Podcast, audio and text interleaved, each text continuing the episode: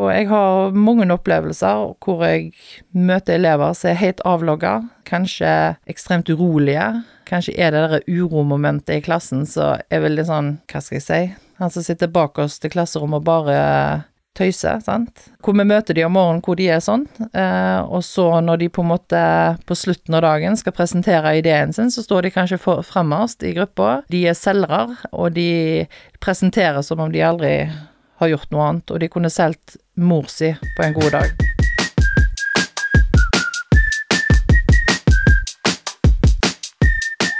Da lytter du til Sunnhordlandpodden, en podkast der du får møte spennende personer med en eller annen tilknytning til regionen Sunnhordland. Og Podkasten er produsert av Kjetil Fyllingen. Vil du slå følge med podden, da kan du finne oss på Instagram og på Facebook. Bare søk opp eh, Sunnhordlandpodden, så holder vi kontakten der. Og jeg setter stor pris på tilbakemeldinger og tips, så send meg gjerne en melding. Podkasten kommer stort sett ut hver torsdag morgen, så jeg håper da at du vil abonnere og følge med på episodene som kommer framover. Nok om det. Her er dagens episode. Hvordan kan eh, små bedrifter snu krise til vekst, og hvorfor er ungt entreprenørskap viktig? Det er temaet for denne episoden av Sunnhordlandpodden, og derfor har vi fått med oss Nina Østensjø fra Ateno. Velkommen til podkasten. Takk skal du ha. Men før vi skal prate om, eh, om, dette med å snu krise til vekst og om entreprenørskap, så må vi jo folk som lytter få lov til å bli litt bedre kjent med deg. Så hvem i all verden er Nina Østensjø? Nina Østensjø er 49 år gammel. Jeg er født og oppvokst i Haugesund. Flytta til Stord i 1991 og begynte på lærerskolen. Uh, så ble jeg. Jobba egentlig ganske lite som lærer. Uh, fant vel fort ut at jeg var nysgjerrig på helt andre ting. Uh, så hoppet over i næringslivet, og der har jeg vært siden 2003, to, rundt der. Og har jobba i Ateno i elleve år. Føler du deg som en, som en storabu? Ja, eh, og så må jeg jo si det at eh, jeg sa en gang, eh, når jeg sto på stand, for jeg er politiker, eh, håper jeg på si, eh, og så sto jeg på en stand, eh, og da sa jeg til en eldre mann at eh, jeg følte meg som en stordabu. Så sa han til meg at du blir aldri stordabu, og det blir ikke ungene dine heller, sa han, for det er tredje generasjon. Men jeg føler meg jo som en sunnhordlending, jeg gjør jo det, selv om jeg har veldig sterke bånd til Haugalandet, det har jeg. Har du noen tanker om dette her med at Stord skulle melde overgang til Rogaland? Ja, der har vel jeg kanskje vært en av de som var litt positiv til det, eh, helt objektivt. Eh, men jeg mener jo vel det at Haugaland og Sunnhordland burde eh, knytte seg tettere sammen, fordi vi er en, to sterke regioner mellom Stavanger og Bergen, og sammen kan vi utgjøre stor, eller få gjort store ting, da. Så, så jeg er nok kanskje positiv til det, hvis det kommer til, til det.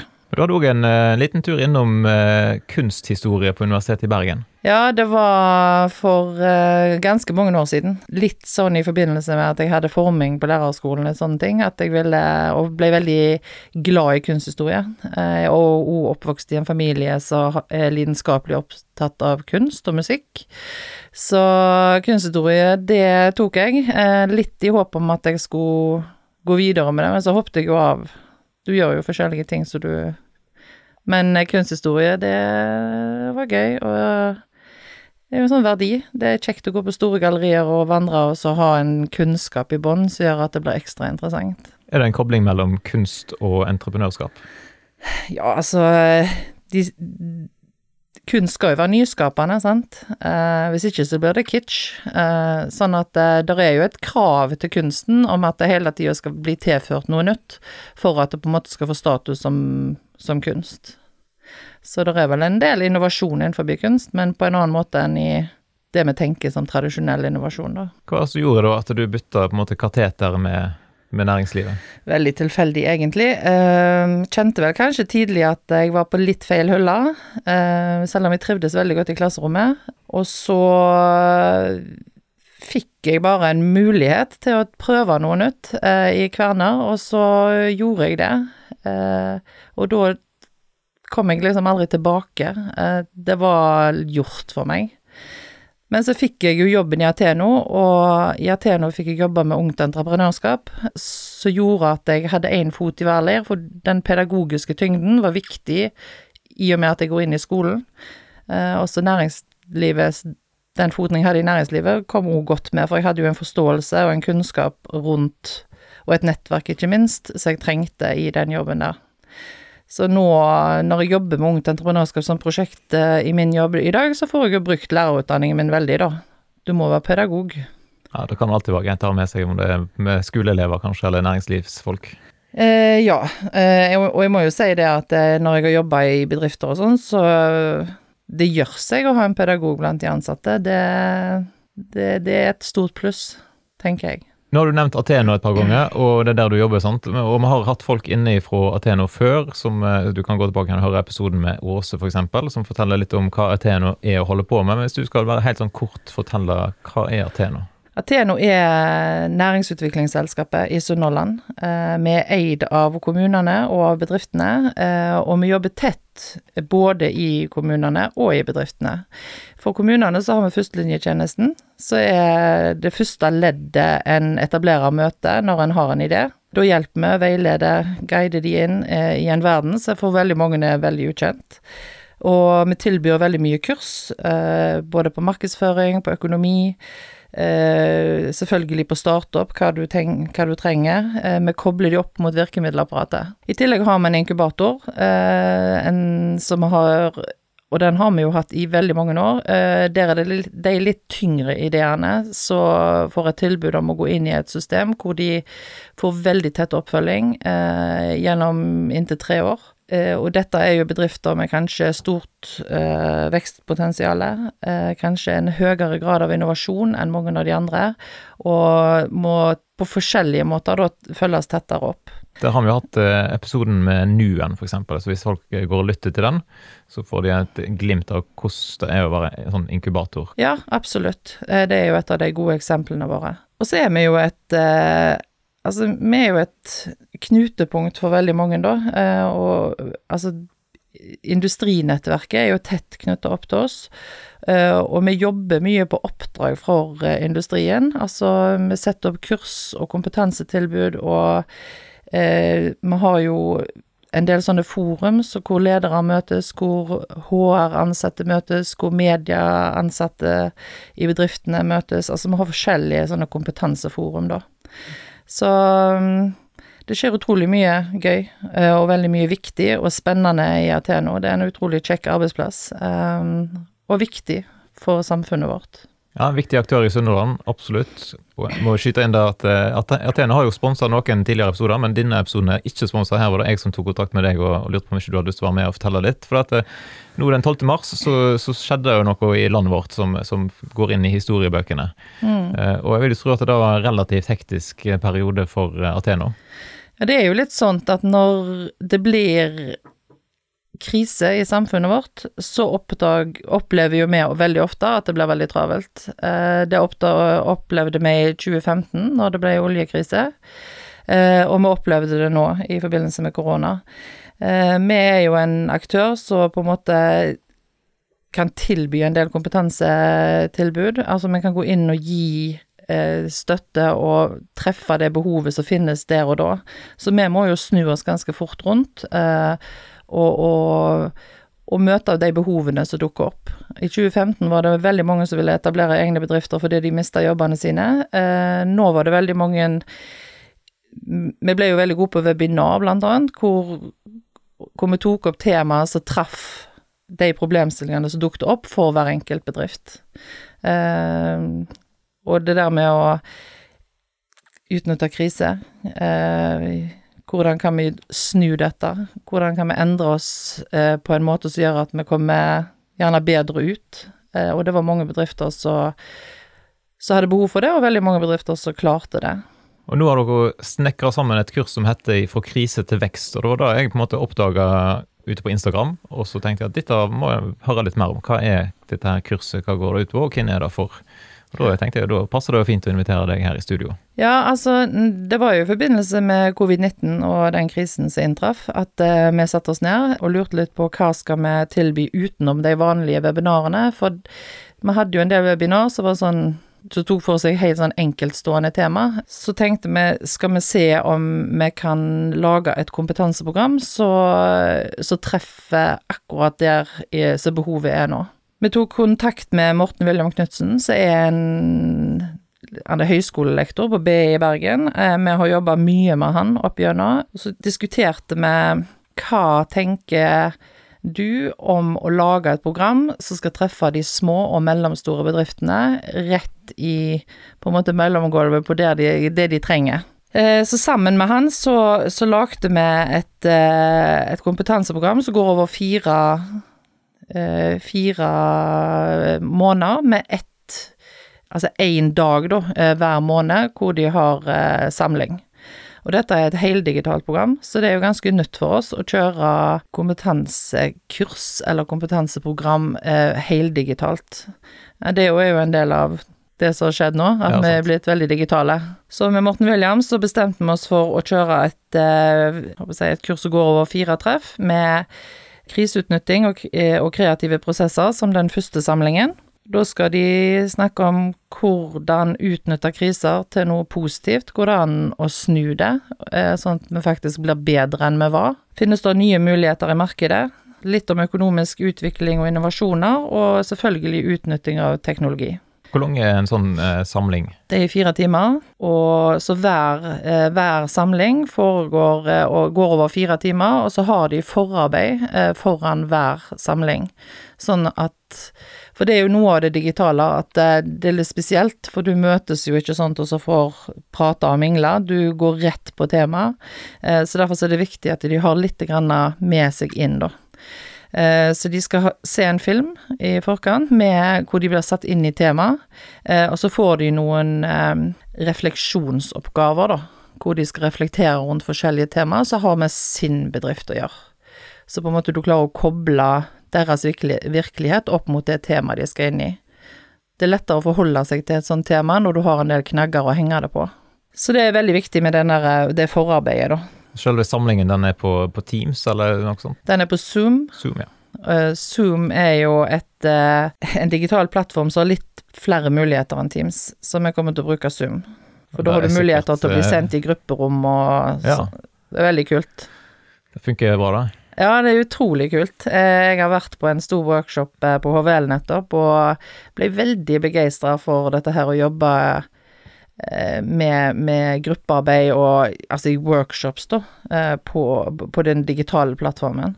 Det høres litt sånn tørt og kjedelig ut, eh, men jeg syns det var veldig gøy. Det blir spennende å prøve å se, få litt erfaring med hvordan det virker. Ja da, vi er jo begynt å bli gode på det nå. Jeg har kursa meg, og Morten William er kjempegod på dette, og det er jo han som skal styre de i dette kurset her. Hva er da neste tema? Eh, den andre samlingen, så da Altså den første det er 9. september, eh, og den andre er 7. oktober. Eh, så vi prøver liksom å ha akkurat en måned imellom hver. Den tar for seg datadrevet kundeinnsikt. Og datadrevet kundeinnsikt, det er jo utvikling av produkt og marked basert på grundig kundeinnsikt.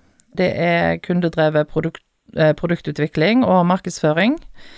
Og dette her med å få praktiske verktøy, da, for å få det til skal selvfølgelig gå gjennom en del datatyper og nye digitale verktøy, for det dukker jo opp ting hele veien. Jeg vet at eh, Morten William har eh, tenkt å være veldig konkret og gi veldig mange gode, konkrete verktøy eh, som de kan bruke.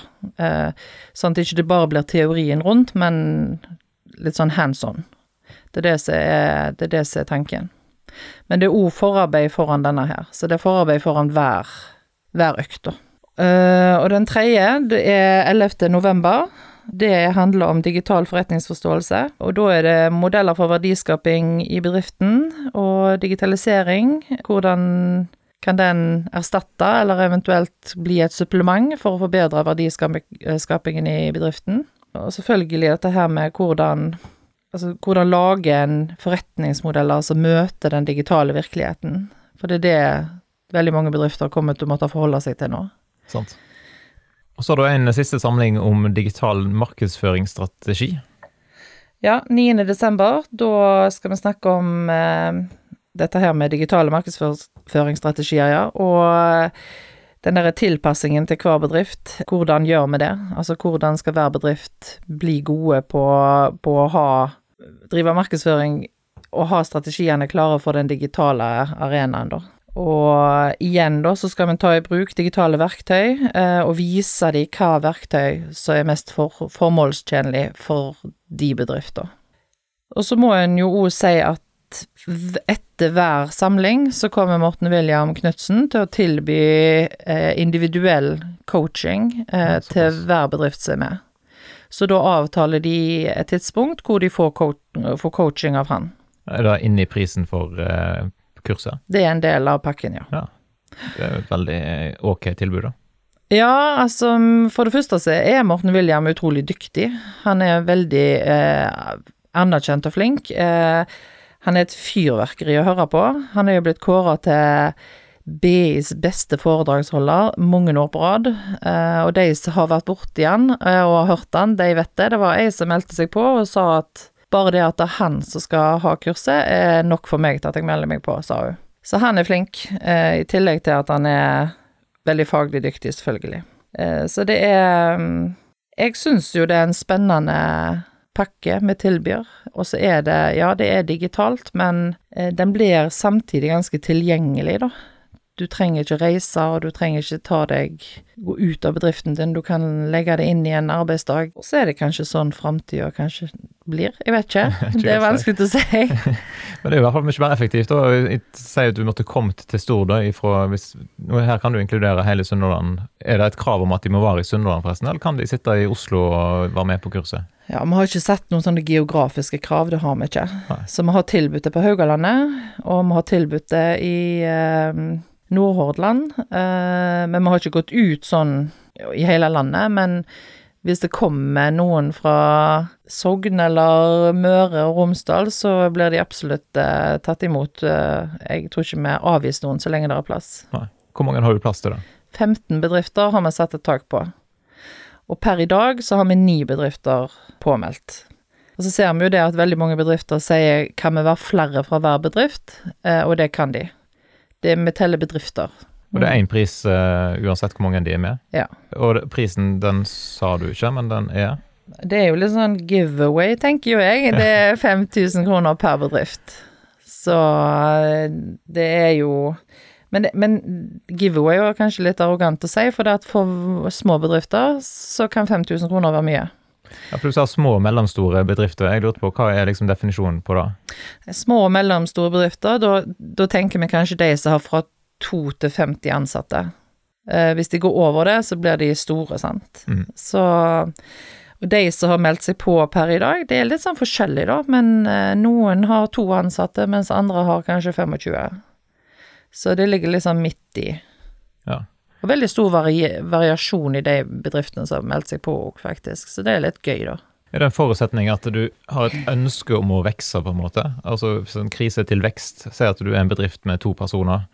Bør du ha som målsetning ok, vi skal, vi skal vokse til x antall eh, ansatte, eller kan det være nyttig selv om du tenker at eh, vi skal være bare oss to, liksom, framover? Altså Hovedtanken er nok at de skal styrke seg, og at de skal være bedre rusta eh, hvis det kommer en krise.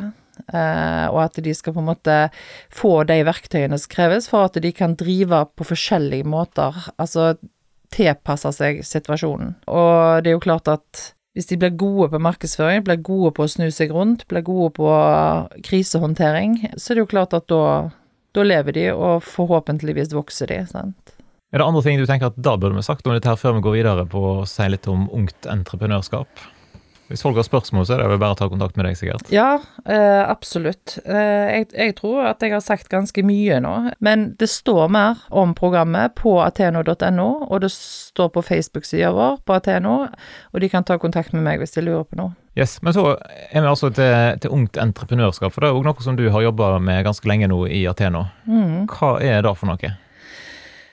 Ungt entreprenørskap er jeg må jo si at det er en Altså, navnet er jo en organisasjon som finnes i hele landet vårt. Eh, det finnes i hele verden, faktisk. Eh, Ungt Entreprenørskap er en landsdekkende organisasjon som finnes i alle fylkene. Har eksistert siden 1997. Så det er en voksen organisasjon. Eh, og jeg har jobba med Ungt Entreprenørskap siden 2009. Og jeg må jo si at eh, hjertet mitt banker veldig for entreprenørskap i utdanning, for det, vi jobber med de unge helt ned til første klasse, faktisk, og opp til høyere utdanning. Så vi går inn eh, og tilbyr eh, forskjellige program i skolen. Og alle programmene handler om entreprenørskap, det med å forberede de til ei framtid, eh, og forberede de til et arbeidsliv som er i stadig endring. Og kanskje sist, men ikke minst, med lærer elever å starte sine egne bedrifter. Hvis du skal definere ordet entreprenørskap, på en måte da, altså jeg tenker jo av og til Når du hører ordet om entreprenør, så tenker du på gravemaskiner og folk som jobber med den type ting. Mm. Mens eh, hvis du ser litt mer globalt på det, så er liksom en entreprenør noe annet enn Ja, det, det er jo liksom blitt definert veldig, dette ordet med entreprenørskap, da. For entreprenørskap betyr jo egentlig sånn direkte oversatt å gå ut av noe og inn i noe nytt. Altså å entre på en måte å skape, sant. Eh, sånn at eh, det handler jo om å se muligheter og ha evne, og guts, ikke minst, til å gjøre noe med det. Jeg tenker jo det viktigste vi lærer ungdommene i det arbeidet vi gjør i Ungt Entreprenørskap, er jo å gi de redskaper til å kunne identifisere et behov, eller de får en utfordring eller et problem, og så lære seg å finne løsninger på det. Så vi jobber jo veldig mye med kreativitet, og så jobber vi mye med hodet deres, for det handler veldig mye om å tørre å gå ut av den der komfortsonen som de befinner seg i, og våge å drite seg litt ut. By på seg sjøl. Du blir jo ganske sårbar når du er kreativ. Og så lærer vi de òg å ta risiko, sant. Altså, når du går ut der og prøver noe, så er det ikke sikkert at du lykkes, men du skal tørre å gjøre det likevel. Og så enten så lykkes du, eller så lykkes du ikke, og hvis ikke du lykkes, så skal du tørre å reise deg og prøve på nytt. Så det er jo en sånn litt sånn unorsk ting, kanskje. det er ikke så mange, ofte vi trenger å ta så mange sjanser, sant. Men vi ønsker jo at framtidens arbeidstakere, eller bedriftseiere, da, skal ha det der litt i seg. At de tør litt mer. Er det i samme pakken at det er sånn ungdomsbedrift? En hører av og til at en har starta ungdomsbedrift, eller skolene som starter Mm. ungdomsbedrift. Er det innunder Ungt Entreprenørskap? Ja, altså Ungt Entreprenørskap har jo tolv program som vi tilbyr i skolen. Eh, bedriftsprogrammene er kjerneprogrammene våre. Så i, i ungdomsskolen så tilbyr vi elevbedrift. Eh, I videregående ungdomsbedrift, og på høyere utdanning så heter det studentbedrift. Vi har gode system og gode eh, skal til å si rammevilkår og veldig gode pedagogiske verktøy og sånt for lærere og for elever som vil drive med, med bedrift i arbeidstida si. Og vi ser jo at de nye læreplanene som kom tredje i kraft nå i august, eh, der ligger altså bedriftstanken og entreprenørskapet ligger veldig sånn implisitt i veldig mye av det de skal gjøre nå, og det er jo hallelujastemning for oss som har jobba med det i mange år. For eh, nå, nå ser vi jo at skolene våkner på en litt annen måte. Og i Sunnhordland og i Stord kommune eksempel, så ser vi at ø, elevbedrift i ungdomsskolen er blitt veldig ettertrakta. Og det er veldig gode nyheter. Ja. Hvordan ser det ut i praksis? Nei, da driver Altså, da starter, driver og av, avslutter elevene en bedrift i løpet av et skoleår. Kjedelig å avslutte den. Hvis det går så det suser, liksom. Ja, hvis det går så det suser, så kan de avslutte, og så kan de starte opp igjen. Eh, men vi har en sånn avtale med skatteetaten om at hver elevbedrift eller ungdomsbedrift eller studentbedrift kan tjene inntil 140 000 i året skattefritt. Og for at vi skal holde den avtalen, så må elevene avslutte bedriften sin. For ungdomsbedriftene og studentbedriftene får organisasjonsnummer i Brønnøysund. Så, det, så skikkelig er det. Kan de gå på en økonomisk smell, på en måte? Eller Det kan de, men eh, de er godt fulgt opp av lærere og mentoren sin fra næringslivet, eh, så de blir godt passa på eh, og støtta, får god støtte. Så det er jo klart, vi vil jo ikke at de skal ta store risiko økonomisk. Det, det fraråder vi jo. Og jeg har til gode å se at noen går skikkelig på trynet sånn økonomisk. De har kanskje gått på trynet med forretningsideen sin, men de har lært mye for det. har du noen gode historier ifra den type eh, aktivitet? Ja, altså, nå har jo jeg jobba så lenge, så jeg har jo tusen historier jeg, fra alt jeg har opplevd. Men det som egentlig gjør mest inntrykk på meg, det er når jeg får jobbe med ungdommer, så hvis vi skal ha en innovasjonscamp, eller hvis vi skal ha en prosess da i løpet av en dag, hvor de skal på en måte begynne litt sånn blanke, og så skal de ende opp med en idé. For det gjør vi veldig mye, dette her med å kjøre de gjennom hvordan utvikler vi en idé, sant. Og da går du jo inn på en skole, og så er det sånn ymse hvor godt forberedt de er, disse elevene. Hvor motivert de er, og veldig mange av elevene skjønner ikke hva de skal være med på, og er ja, um, og jeg har mange opplevelser hvor jeg møter elever som er helt avlogga, kanskje ekstremt urolige. Kanskje er det det uromomentet i klassen som er veldig sånn, hva skal jeg si, han som sitter bak oss til klasserommet og bare tøyser, sant. Hvor eh, de kommer Hvor vi møter de om morgenen hvor de er sånn. Eh, og så når de på en måte på slutten av dagen skal presentere ideen sin, så står de kanskje fremmest i gruppa. De er selgere, og de presenterer som om de aldri har gjort noe annet, og de kunne solgt mor si på en god dag. Eh, og hvordan de vokser, disse elevene, på det å gå og få en helt ny status, egentlig, i, i klassen sin. Blant eh, medelever og hos lærere og Ja, jeg har sett mange, mange sånne. Hva gjør det med deg, da, når du ser det? Jeg blir alltid like glad, eh, og så tenker jeg veldig ofte at yes, det er derfor jeg gjør dette. Og så er det sånn at du kan ikke frelse alle, sant.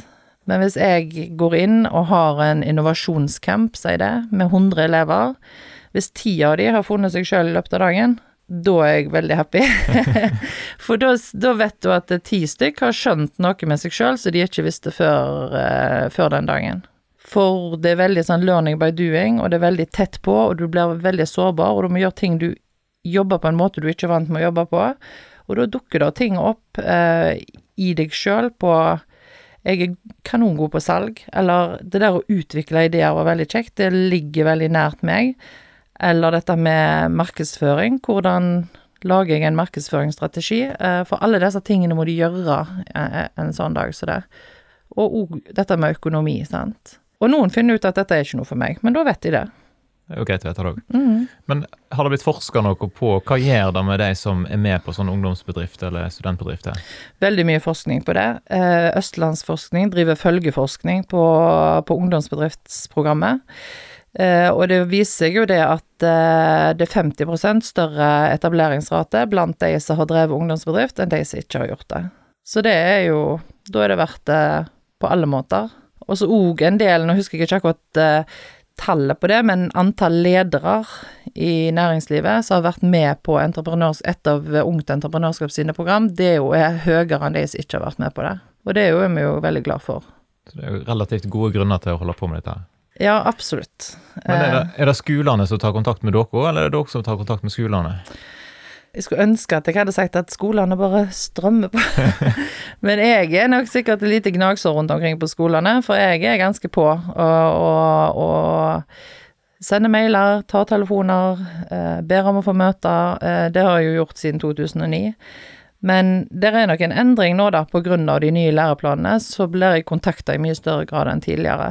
Og vi har jo store arrangement. Nå skal jeg inn til Rosendal eh, i neste uke og ha innovasjonscamp der med Rosendal ungdomsskole. Så, og de ringer. Kan du komme og gjøre det med oss? Det er så, det er så bra. Eh, så da gjør vi det. Vi sier aldri nei. Vi kommer der de vil ha oss.